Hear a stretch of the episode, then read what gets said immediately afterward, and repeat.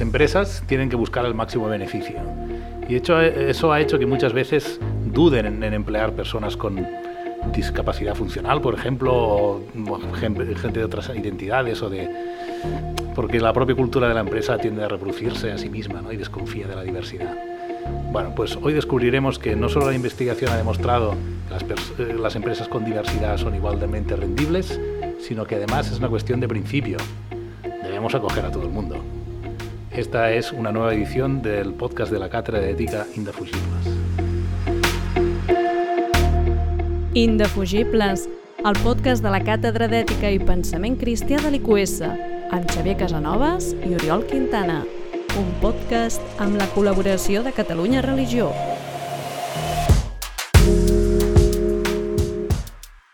Para ello nos acompaña hoy el profesor Ignacio Durán, que es profesor de la School of Management de IQS, de la Escuela de Empresariales, y que, eh, bueno, en realidad en su, su, terreno de especialización en la investigación es justamente la, la, inclusión en las empresas de las personas transgénero.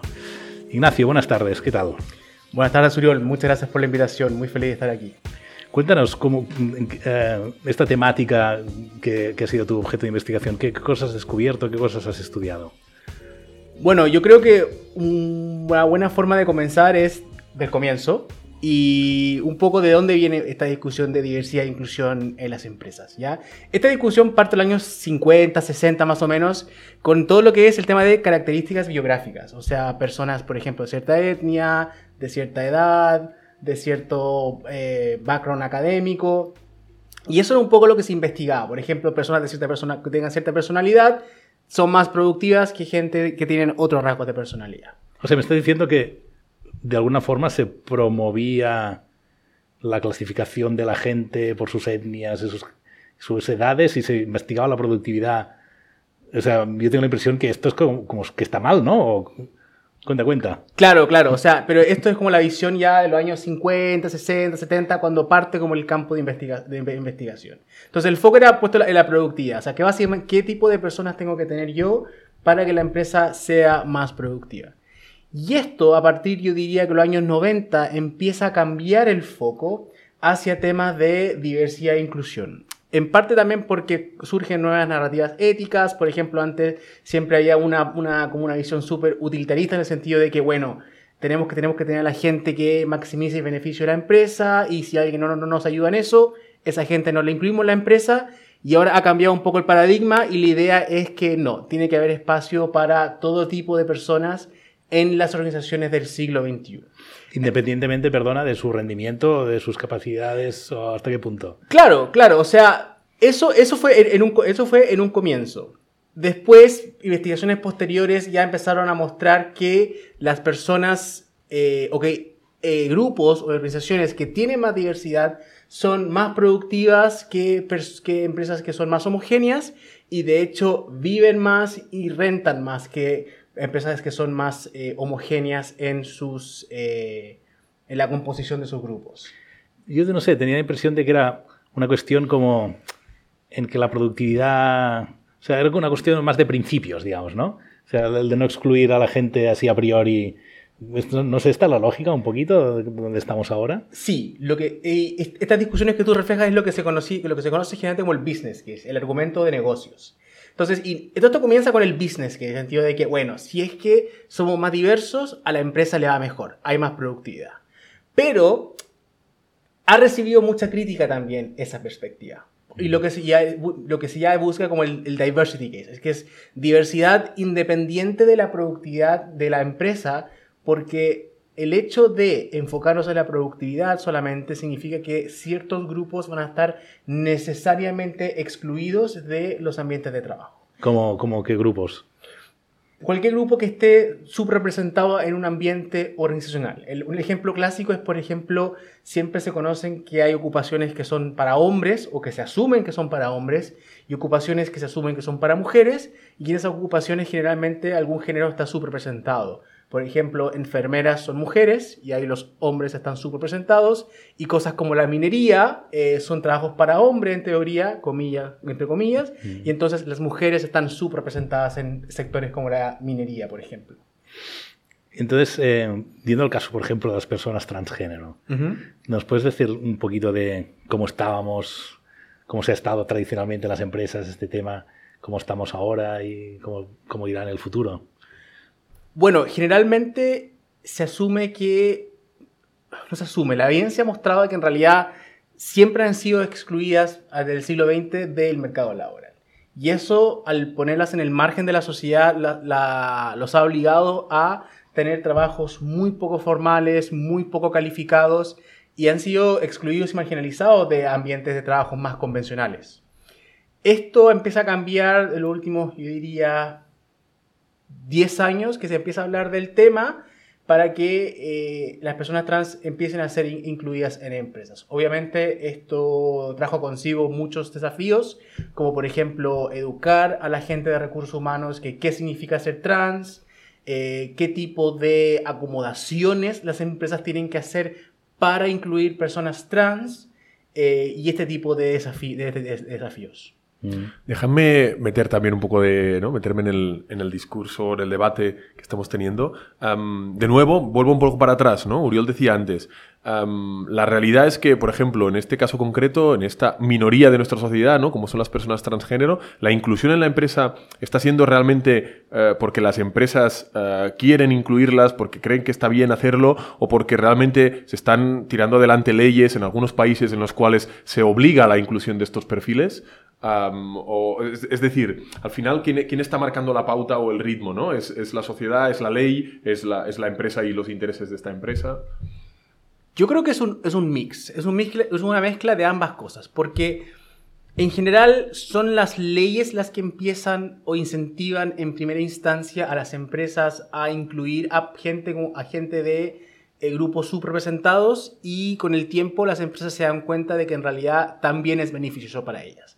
Entonces, hay argumentos que son un poco más conciliatorios y dicen, mira, en realidad tenemos que enfocarnos en ambas visiones, la visión de productividad y la visión de, inclusión, en el sentido de que si incluimos, a la vez también seremos a la larga más productivos. Entonces, en realidad nos ha mostrado la evidencia que es como una mezcla entre ambas visiones. Y entiendo que entonces tu labor, de alguna forma como investigador, es encontrar esta evidencia ¿no? y poder ponerla sobre la mesa, ¿no? E intentar de alguna forma ver realmente qué es lo que está ocurriendo. ¿Cómo lo estudiáis esto? Es decir, ¿cómo se estudia, cómo se investiga el papel o el impacto que tiene la diversidad dentro de la empresa? Exacto. Entonces, mi visión, yo me enfoco más del punto de vista del mercado laboral. Entonces, yo busco o me interesa investigar cuáles son los obstáculos que las personas trans, por ejemplo, enfrentan en el mercado laboral. Entonces, por darte un ejemplo, una de las cosas que he encontrado es que los departamentos de reclutamiento y selección de las empresas no están preparados para eh, lidiar o para tratar respetuosamente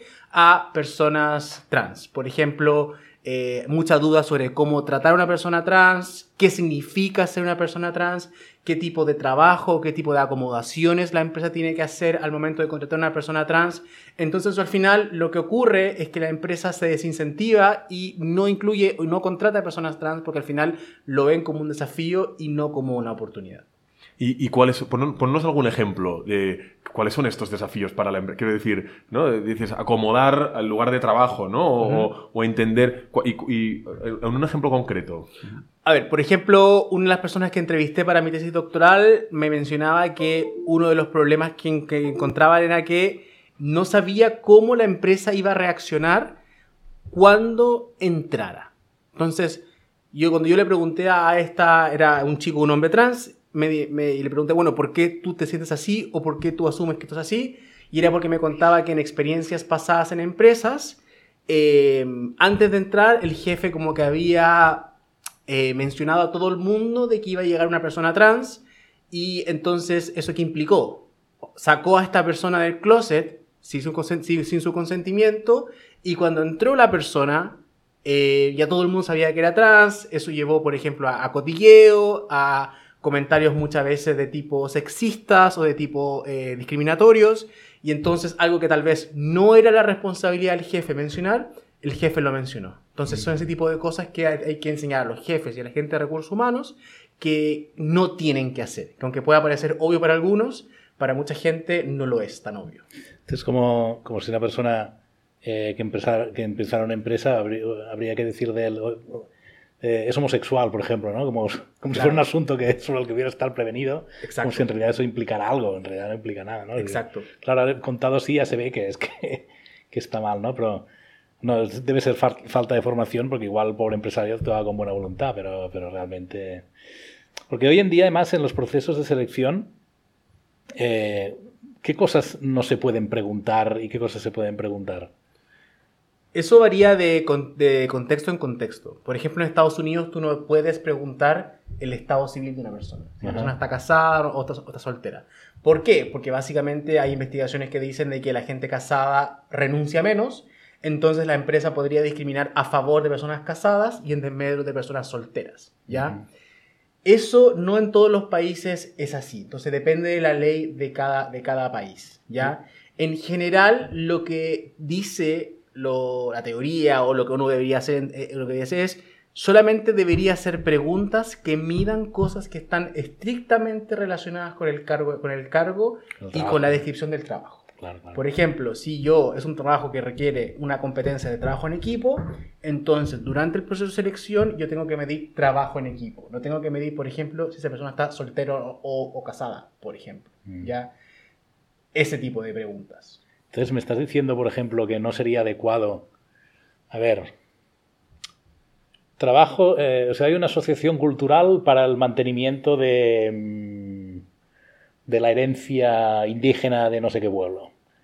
No se puede preguntar a la persona que la que se va a contratar si valora esa herencia indígena, cuál es su idea respecto a esa. Podría resultar como discriminatorio en términos ideológicos. No vamos a contratar a una persona que sea muy anti, no sé qué. no sé- ¿Cómo, cómo se puede...? Es- me parece una zona gris interesante, ¿no? ¿Tú cómo lo ves? Sí, es interesante. Yo creo que, yo creo que ahí sí caemos ya más en el ámbito de las motivaciones y el compromiso que la persona pueda tener por el trabajo. Ese tipo de preguntas sí se pueden hacer. Porque, por ejemplo, cuando hay organizaciones que tienen alguna identidad muy clara, por ejemplo, organizaciones que son religiosas, organizaciones que son indígenas, o incluso, por ejemplo, organizaciones que son de corte marx- marxista, Mm. sí se preguntan ese tipo de preguntas en el proceso de selección porque tú busques que haya un calce entre la persona y la cultura, la identidad, la misión que ese tipo de organización persigue. Entonces, eso ya es una zona gris donde sí, en realidad, se podría preguntar si es que tiene que ver con lo que la empresa hace o lo que la empresa procura. ¿Ya? Entonces, por ejemplo, una cosa, eh, la edad en principio no se tiene que preguntar. En general no se tiene que preguntar. De hecho, mucha gente, por ejemplo, podría omitir la fecha de nacimiento en los currículums, Ajá. por ejemplo. Igualmente la foto en el currículum tampoco sería necesario ponerla, entonces. También se acostumbra a poner por un tema de hábito, de inercia, que todo el mundo lo hace, pero en muchos lugares y Estados Unidos, por ejemplo, en algunos estados, no se pone eh, la foto, no se pone la dirección y muchas veces se hacen revisiones de currículum, por ejemplo, sin nombre, porque algunos, el nombre de repente podría dar Claro. información que puede ser base para discriminación. Si yo me llamo, por ejemplo, Juanito Pérez en Estados Unidos, se podría asumir que te- vengo de, de un, de un background latino, por ejemplo, y eso podría ser o, una fuente de discriminación, por ejemplo. Mm. Has hablado de los retos que se enfrentan las empresas, has hablado mucho del reto de reclutamiento, digamos, ¿no? O de, contratación, has hablado del reto de formación. ¿Qué otros retos eh, podríamos decir que son importantes para, para una buena inclusión o diversidad en la empresa? Lo que las empresas hoy tienden a hacer bastante es lo que se conocen como cursos de sensibilidad, sensi- sensitivity training que se llama. Que básicamente lo que intentan hacer es que las personas que trabajan en la empresa sean más abiertas frente a temáticas de inclusión. Entonces, generalmente hay empresas de consultoría, empresas de recursos humanos que preparan estos cursos, entonces la empresa le paga a esta consultora y la consultora ofrece el curso a la empresa para sensibilizar a sus trabajadores. Generalmente lo que se muestra es que este tipo de cursos son en realidad eh, acciones simbólicas, en el sentido de que la empresa lo hace para cumplir, así como un ticket, lo hice, pero en sí, realidad no tienen un efecto, al menos a largo plazo, en la inclusión y diversidad. Claro, no no impactan, en la cultura de la empresa, No realmente no, no- Entonces, eso es un buen punto de partida, sí, pero tiene que venir acompañado de, por ejemplo, inversiones y decisiones que apoyen justamente a, a este, a este grado de inclusión. El ejemplo más claro es cuando, por ejemplo, yo tengo que incluir personas que tienen cierta discapacidad y entonces la empresa, si realmente quiere hacer, hacerlo, tiene entonces que hacer inversiones en temas de inclusión y de accesibilidad. Si no hay rampas, poner rampas, ascensores, eh, por ejemplo, el ancho de las puertas, son cosas que uno de repente asume que están bien hechas, pero no, no, necesariamente están así. Ya, por ejemplo, si los escritorios están hechos, están hechos de alguna forma, a lo mejor una persona con una silla de rueda no va a poder utilizar ese escritorio y va a ser poco accesible para esa persona. Mm. Yo sé que en España hay una, una, ley que obliga a todas las empresas a partir de cierto número de, empleados, por tanto de cierto tamaño, eh, a tener un tanto por ciento de personas con grado de discapacidad. Mm. Entonces sí que hay de parte de los gobiernos, ¿no? y esto lo hemos dicho al principio, una voluntad de, de obligar. ¿Qué crees que es más necesario? O sea, ¿qué es lo definitivo? unas buenas leyes y por lo tanto forzar unas buenas estructuras o que al frente de las empresas haya gente que tenga buena sensibilidad? ¿Qué es más importante? Yo personalmente soy partidario de este tipo de leyes. Yo sé que puede sonar un poco polémico, pero es porque generalmente la, experiencia nos ha mostrado que este tipo de leyes, que generalmente se basan en el concepto de discriminación positiva, sirven como un buen punto de partida.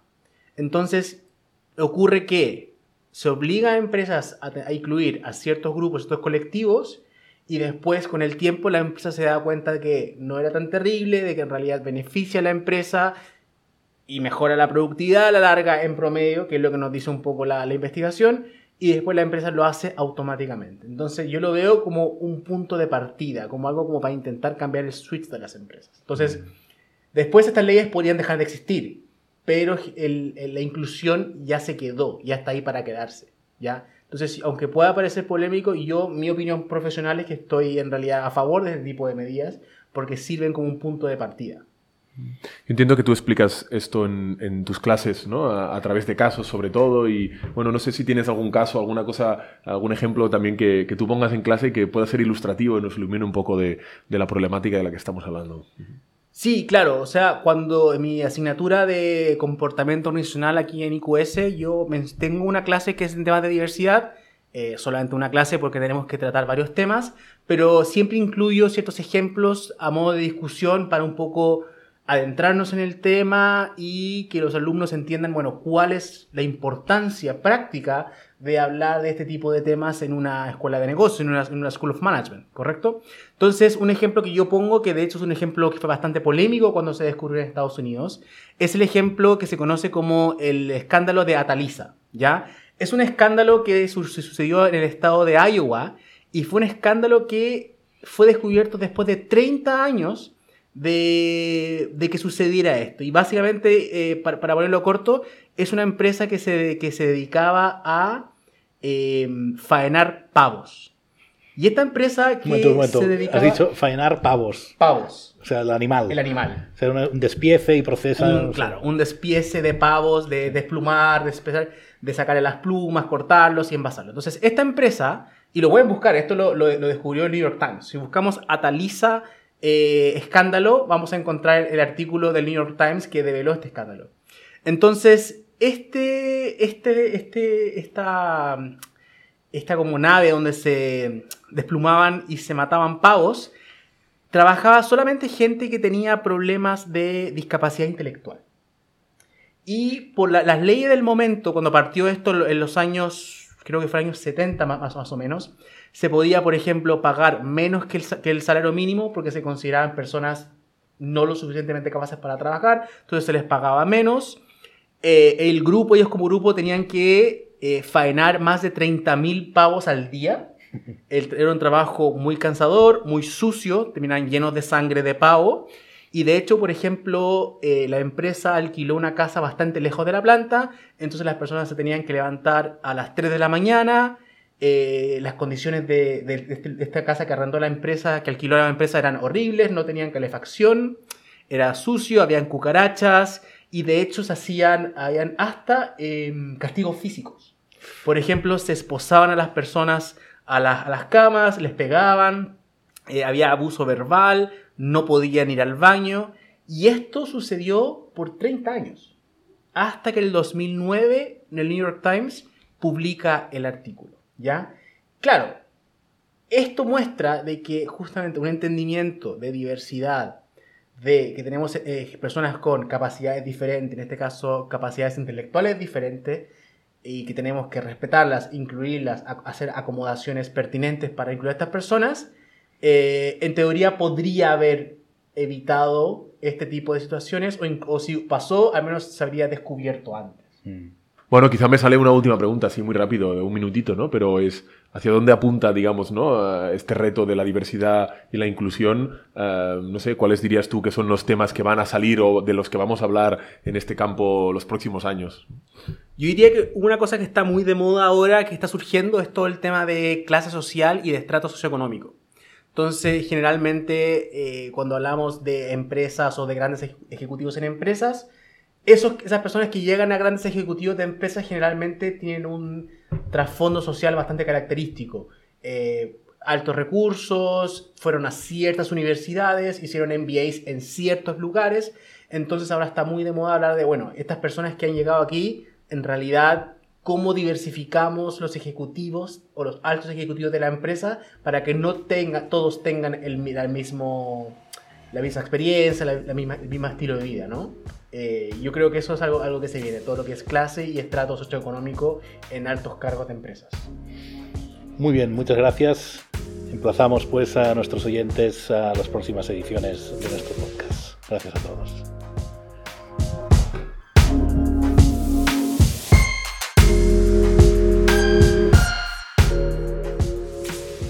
Religió